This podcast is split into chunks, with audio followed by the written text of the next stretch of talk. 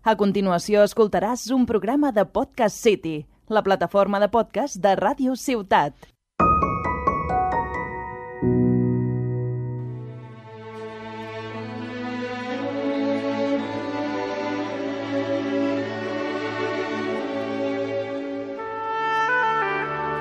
Plenitud a la vida quotidiana, un programa d'espiritualitat pràctica presentat per Jaume Arassa.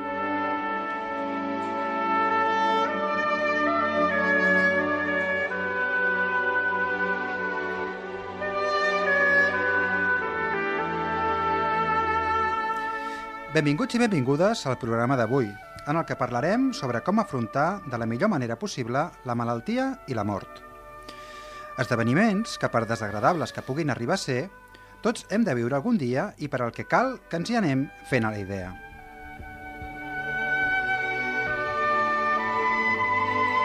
A la segona part del programa parlarem amb el terapeuta David Sarmiento i escoltarem una cançó interpretada per la Maria Arjona, per acabar, el nostre col·laborador, en Xavier Vila, comentarà un text de l'Antoni Blai Fontcoberta.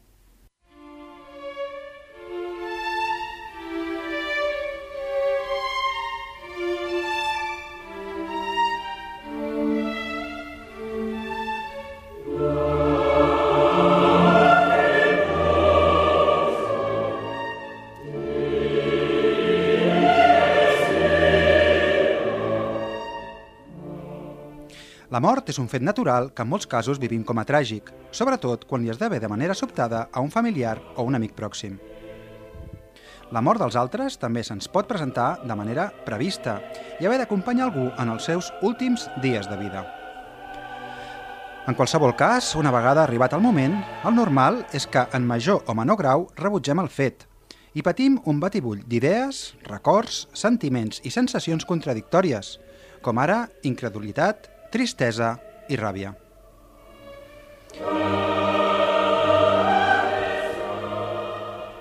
Aquest procés de dol és necessari, l'hem de viure a fons i en plena consciència. Si ho fem així, podrem assumir la idea que no el tornarem a veure mai més a la persona estimada. Per tant, que ja no podrem desenvolupar unes maneres de fer, de sentir i de pensar al seu costat. Assumir això és molt dur, però si aconseguim deixar anar el llaç de dependència i sobrepassar aquest llindar de confusió, sofriment i dolor, ens n'adonarem que, en el fons, el seguim estimant i que ho farem sempre. Finalment, des d'aquesta calma i profunditat interior sorgirà un sentiment d'agraïment per haver-nos conegut i contribuït positivament en la nostra existència.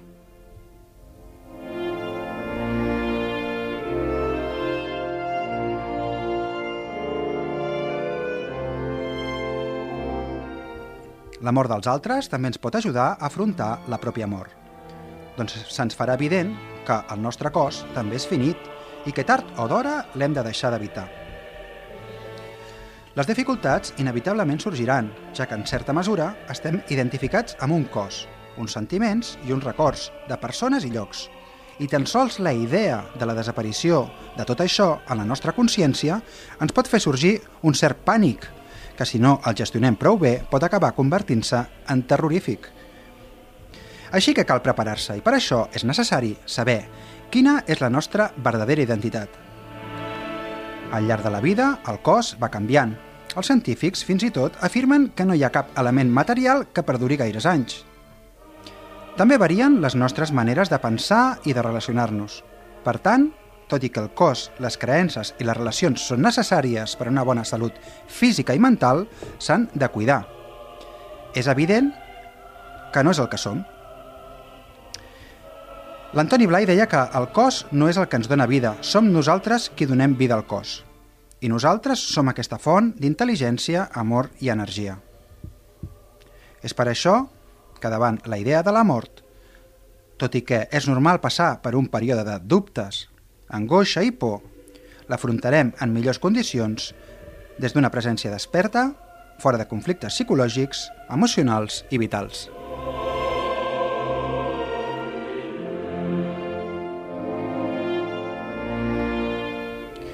La malaltia és un altre aspecte que habitualment ens presenta dificultats. La malaltia és un funcionament anòmal del cos, que se'ns donarà inevitablement algunes vegades al llarg de la nostra existència. El problema apareix quan, a causa de la malaltia, ens veiem com a víctimes d'una tragèdia insalvable i quedem ancorats en l'apatia i el malhumor de tal manera que correm el risc de patir una certa depressió, convertint l'existència en una pesadesa per nosaltres mateixos i pels demés que ens envolten. És per això que és molt útil diferenciar entre el dolor del patiment. El dolor sorgeix quan degut a la malaltia tenim un malestar en alguna part del cos. Per fer front al dolor, la medicina és la ciència indicada per aconsellar-nos quins medicaments i quin tractament hem de seguir.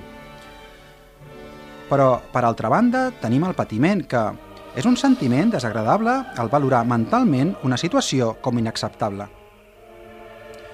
Per exemple, posem el cas que ens fem mal al genoll i ens queda limitada l'articulació i hem d'estar en repòs.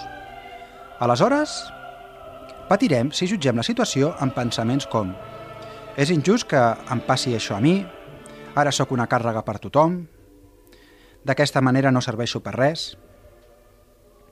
L'esforç per sortir d'aquesta negativitat, tot i la malaltia, rau en obrir-nos a la nostra presència, situant-nos a la lucidesa, l'amor i l'energia que som de fons, i sempre oberts a la possibilitat de millorar o cura.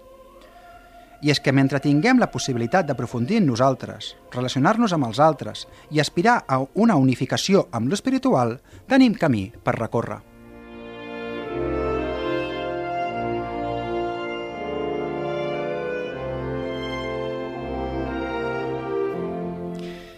Si anem madurant interiorment, constatarem que nosaltres mateixos, que en el fons som un eix autoconscient, del que sorgeix la nostra noció més íntima d'identitat, de vida, i que roman estable a tots els canvis.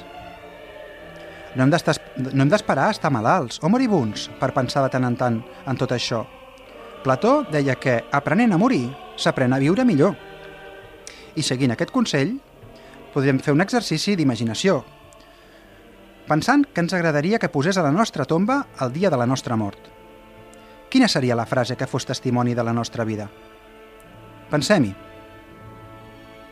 I mentrestant, cuidem el cos. Moguem les nostres energies, tinguem bones relacions, exercitem la flexibilitat mental i, per què no, restem oberts a transformar-nos per la transcendència.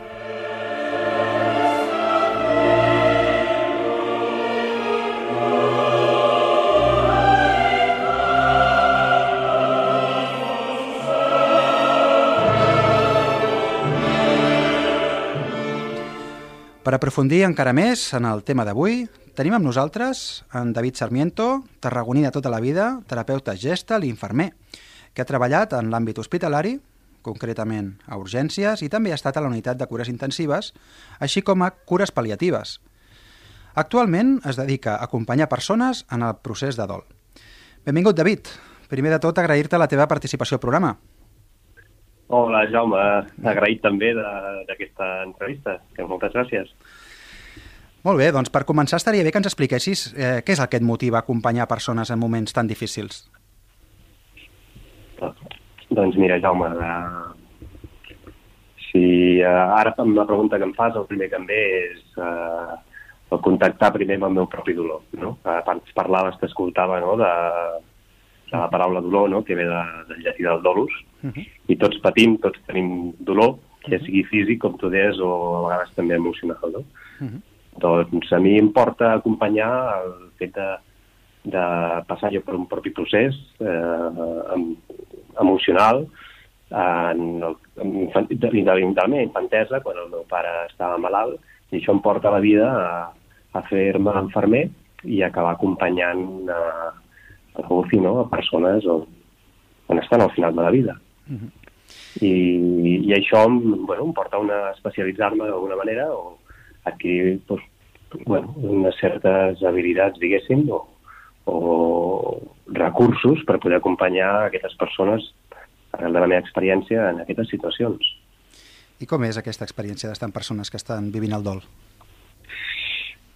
Doncs L'experiència és, eh, clar, ara ens estem centrant molt, que també volia fer aquest matí, si em permets, ens estem mhm. centrant molt amb el dol per la pèrdua d'un ésser estimat. Uh mhm. -huh. Però també m'agradaria donar-li una mica de veu, o si més no mencionar-ho, que, que la vida en si, el transcurs de la vida, està plena de dols i de pèrdues, no? Ja sigui el dol d'un ésser estimat, ja sigui un material, ja sigui uh, un, no sé, un, un lloc on hem viscut, una casa, uh, bueno, està plena de pèrdues, no? Llavors, tot això per, per, per mi, a l'hora d'estudiar, a l'hora de treballar els dols, també en forma part, no? Llavors, per què? Explico, explico això, perquè d'alguna manera, eh, a nivell mm, psicodinàmic o a nivell de, de, de, de fases per les que passem, emocionals, són gairebé sempre les mateixes. Vale? Dintre del dol hi ha unes fases que són, bueno, estan molt, molt estudiades i sempre passem per aquestes fases, siguin per una pèrdua d'un ésser estimat o sigui per una pèrdua de, doncs això que et deia, d'un material, de que hem, hem marxat a l'estranger i hem tornat, el que sigui, no? Vull dir, bueno, això és important. Vull dir, volia remarcar-ho això. Hmm. Aquestes uh, fases suposo que inclouen no, doncs el, el tractar aquesta buidor, no, aquesta desolació, apatia o falta de sentit que pugui estar vivint la persona a la que estàs tractant. Veritat? Sí, sí, sí. sí. Moltes vegades també eh, ens trobem, o em trobo també, i tots ens passa també que ens trobem a vegades amb dols que també diuen que es diuen dols anticipats. Uh, moltes famílies, en aquest cas si ens centrem en la pèrdua d'algun ésser estimat o que està malalt, imaginem-nos el cas d'una persona que, que, que porta malalta molts anys, molt de temps, i, i bueno, hi ha un familiar o familiars que estan cuidant d'aquesta persona, moltes vegades ens porta a anticipar anticipar el que passarà quan aquesta persona no hi sigui. I llavors creem una sèrie de defenses també, ens posem, en, en, són mecanismes que tenim nosaltres per poder uh, fer front a aquesta situació i ens anticipem el dol. I d'alguna manera ja estem passant un, un predol, perquè ens fem càrrec de que aquella persona d'aquí un temps ja no en serà. Ja ens estem preparant. Però això no vol dir que no elaborem un dol, perquè la persona en el moment en què marxi, allí comença una altra fase del dol. M'explico? Uh mhm. -huh. I, I quin seria el procediment, aleshores, així breument, eh, si ens ho pots explicar, que segueixes per fer aquest acompanyament? Bueno, eh, sobretot a, a és sobretot acompanyar a la persona en el seu dolor i la seva pèrdua. Uh -huh. és, un, és un acte molt respectuós, està molt present, i està molt, amb, amb aquí a l'ara, sobretot, donar espai a que la persona pugui mostrar i, i pugui estar amb el, que, amb el que hi ha, amb el dolor que hi ha, des d'aquí, sense acompanyar, sense jutjar, amb molt de respecte.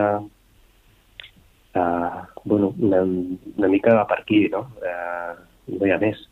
Uh, és un procés, un dol és un procés llarg, és un procés que, que pot durar molts anys, pot durar poc, també depèn de la situació i depèn del dol, uh, però sí, normalment es parla d'uns dos o tres anys, però no, no és quantificable el temps que es necessita per guarir les ferides o el dolor que ens ha, que ens ha provocat aquesta pèrdua, no?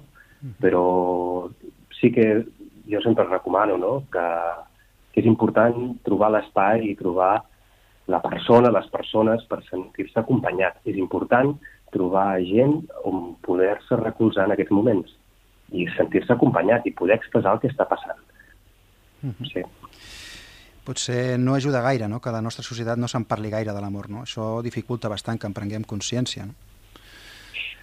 O això està canviant, sí. potser també, ara mateix, no? Uh, pel tema de, del Covid. Sí. Mm.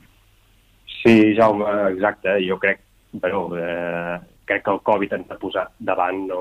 una situació totalment excepcional on, on realment eh, ens ha posat davant la mort. No? Eh, tots els mitjans de comunicació en parlaven i, i aquí ens ha posat davant la por i el terror que li tenim a la mort, no? Eh, però és que és la realitat. Eh, no hi ha vida sense mort. Llavors, eh, eh, sembla molt obvi, sembla molt senzill i explicat així, no? és com, ah, que fàcil. Però és així. Eh, d'aquí 50 anys, d'aquí 60 anys, eh, ja no hi serem. I és així. O d'aquí 90 anys, la gran majoria o 80, la gran majoria de gent del nostre voltant, ja no hi serà tampoc. Uh -huh. No hi serem. Eh, deixarem aquest món, és així. I, i, és, i és acceptar, no? És el que deies també tu abans, acceptar, eh, prendre consciència de que la vida és finita i, i, i des d'aquí hi ha alguna que relaxa. Ara bé, jo no crec que...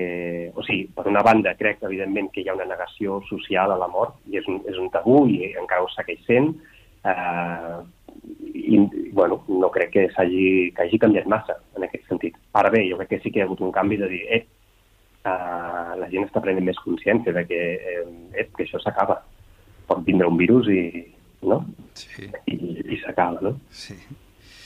Molt bé, doncs, eh, a més a més del que ja hem parlat, eh, ens podries donar algun consell perquè cada un de nosaltres eh, pugui afrontar la seva pròpia mort de la millor manera possible? Bueno, és, és una mica complicada aquesta sí. pregunta. Sí, potser inclou però... tot el que hem parlat, no? però sí, sí. alguna coseta més. És, per mi és important eh, no perdre la vista, mm. eh, Jaume. Mm. Aquesta seria una mica la meva recomanació. Mm. Eh, tampoc cal caure amb, no, amb, no sé com, com, com diria ara, no? Donar... com... Sí, o m'està pensant cada dia en la mort, tampoc mm. caure amb això, no? Però sí no, no perdre la vista, sinó ser conscients, prendre molta consciència durant el dia de que, de que això és un moment únic. Aquesta entrevista que estem fent tu i jo ara, això és l'únic. Potser es repeteix, potser no, però és únic, això està passant ara. I, i d'alguna manera eh, és una que s'acaba també. Eh? Ha començat i s'acabarà. I és igual que la pròpia vida. Llavors, jo crec que una mica al parar i fer una autoreflexió, dir, i et compte que això se'ns acaba, se m'acaba, també hi ha, algú, hi ha alguna que canvia dintre nostre i fa que estiguem davant la vida, amb el present, des d'un altre lloc.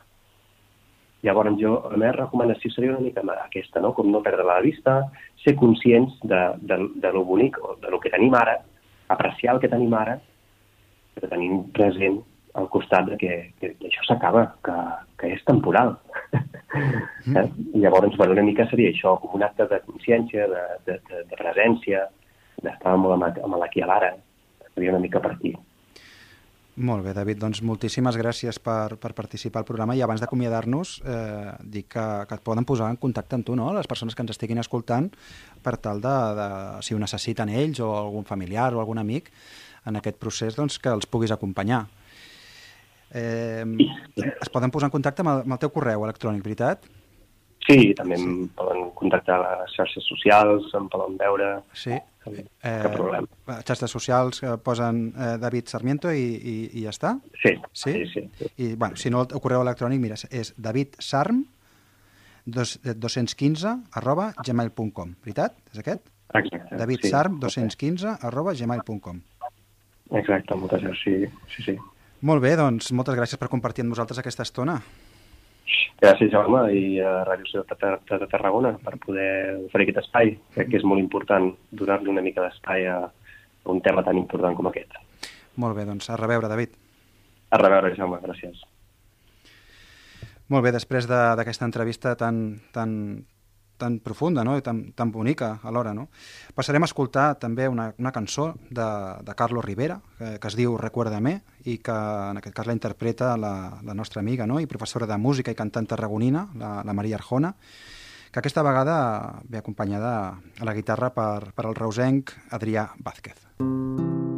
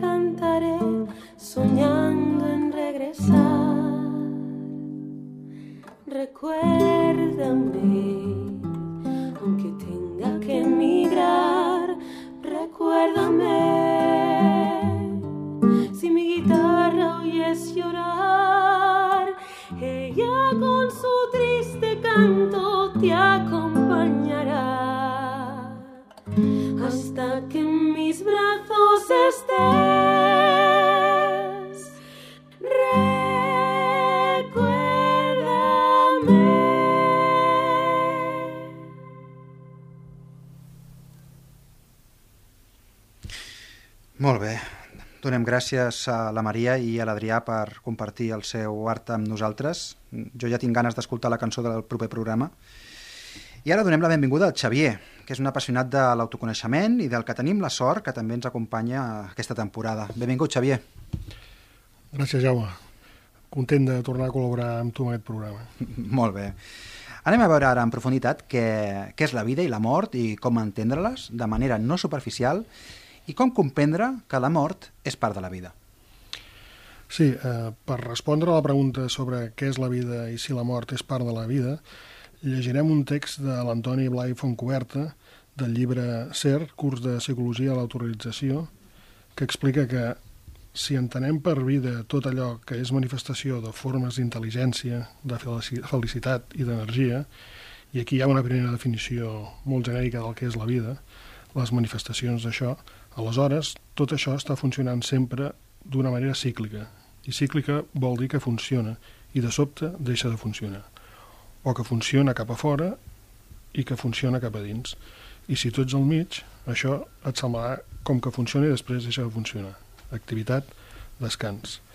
En realitat, aquest descans és tan inherent al procés de renovació com ho és la forma exterior de manifestació. Ho veiem a la natura. Quan sembla que tot és mort, realment no és mort, sinó que s'està concentrant en una activitat molt profunda, que després sorgeix en un nou impuls exterior. De manera que la vida no només és allò exterior, allò visible, sinó que també és tot allò profund. Encara que des d'un punt de vista exterior això profund apareix com a no vida. La mort i la vida són simplement una mena de corba o una ona sinusoidal d'un sol procés continu el gran error és confondre la vida amb les formes de vida. Nosaltres identifiquem la vida amb un cos, i un cos és una forma de vida.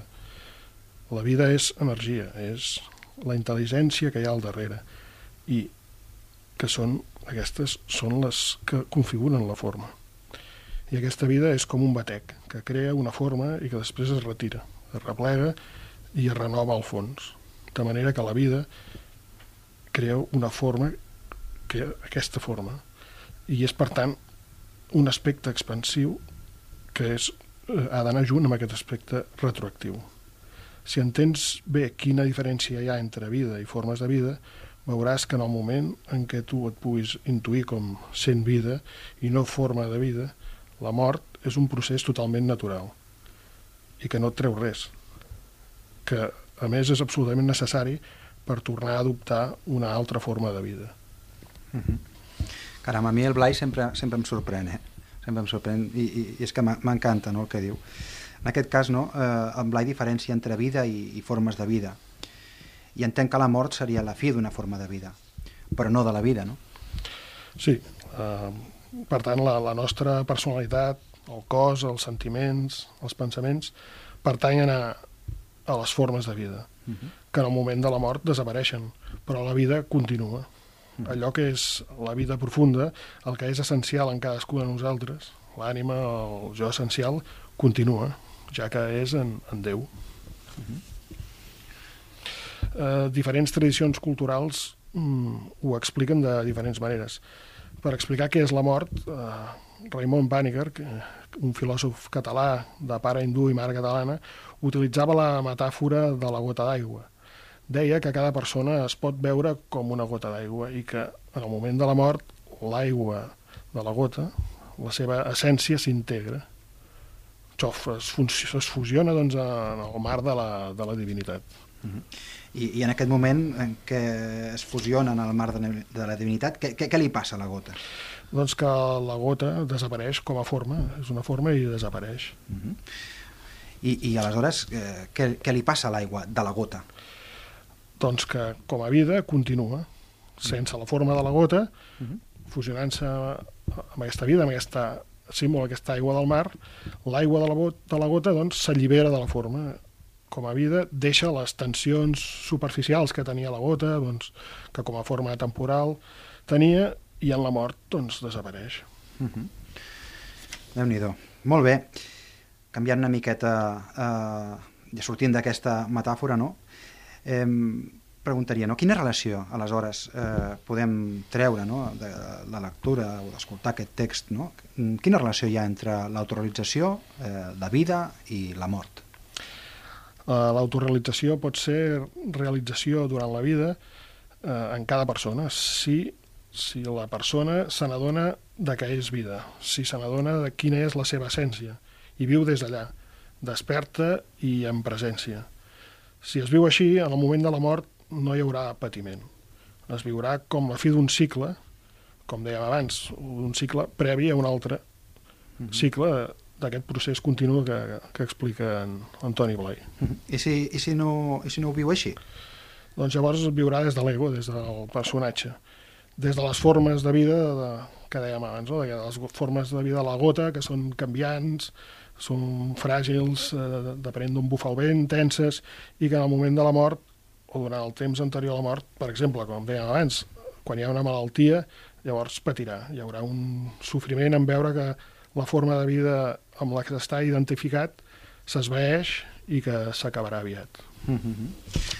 Doncs molt bé, molt bé, molt bé. I si podéssim seguir parlant una miqueta no, del tema de l'aigua, sé que et saps eh, una altra metàfora, no? Que ja que l'aigua és un bon símbol de, de, de vida, no? d'essència. No? Quina és aquesta altra metàfora que ens podries parlar? Sí, doncs, eh, com deia abans, que amb el, la metàfora de la gota, que en el moment de la mort cau en la mar de divinitat, també hi ha una altra metàfora oriental uh -huh. que compara la persona amb una onada de, del mar. Uh -huh. La persona, si s'identifica amb la forma de l'onada, eh, si és s'aferra segons si és més gran, si és més ràpida, si... Doncs llavors s'interpreta com a onada separada del mar, no se n'adona que està integrada al mar. Si fa això, llavors patirà. En canvi, si se n'adona que és aigua, i interpreta la seva forma donada com a una expressió temporal de la vida, eh, aquest mar, llavors, en el moment de la mort, l'onada pot finalitzar suaument, adonant-se del que és, lentament, com arribant a la platja un dia de calma, amb poc vent, un dia assolellat, amb pau, integrant-se en el mar amb naturalitat. Uh -huh.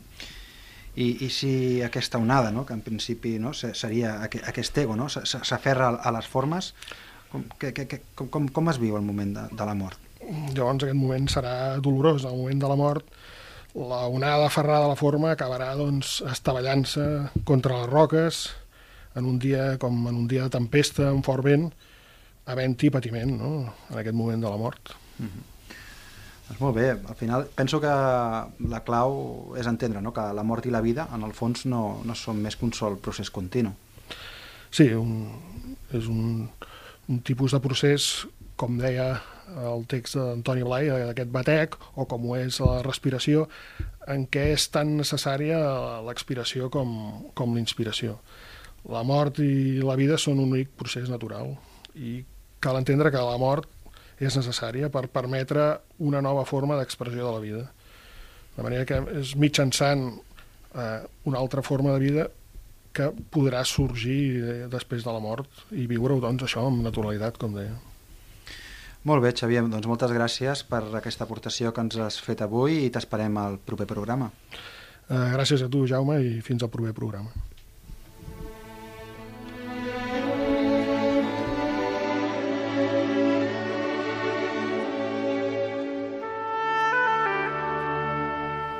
Bé, gràcies a tots els que ens heu escoltat per seguir amb nosaltres eh, programa rere programa i recordar-vos que tenim una pàgina de Facebook que trobareu amb el nom de Plenitud a la vida quotidiana i on podeu seguir-nos i deixar els vostres suggeriments, aportacions i preguntes. Us esperem. Eh? Agrair també a, a l'Òscar al control tècnic. Moltes gràcies, Òscar. I, si ho desitgeu, ens retrobem al proper programa. Fins aviat.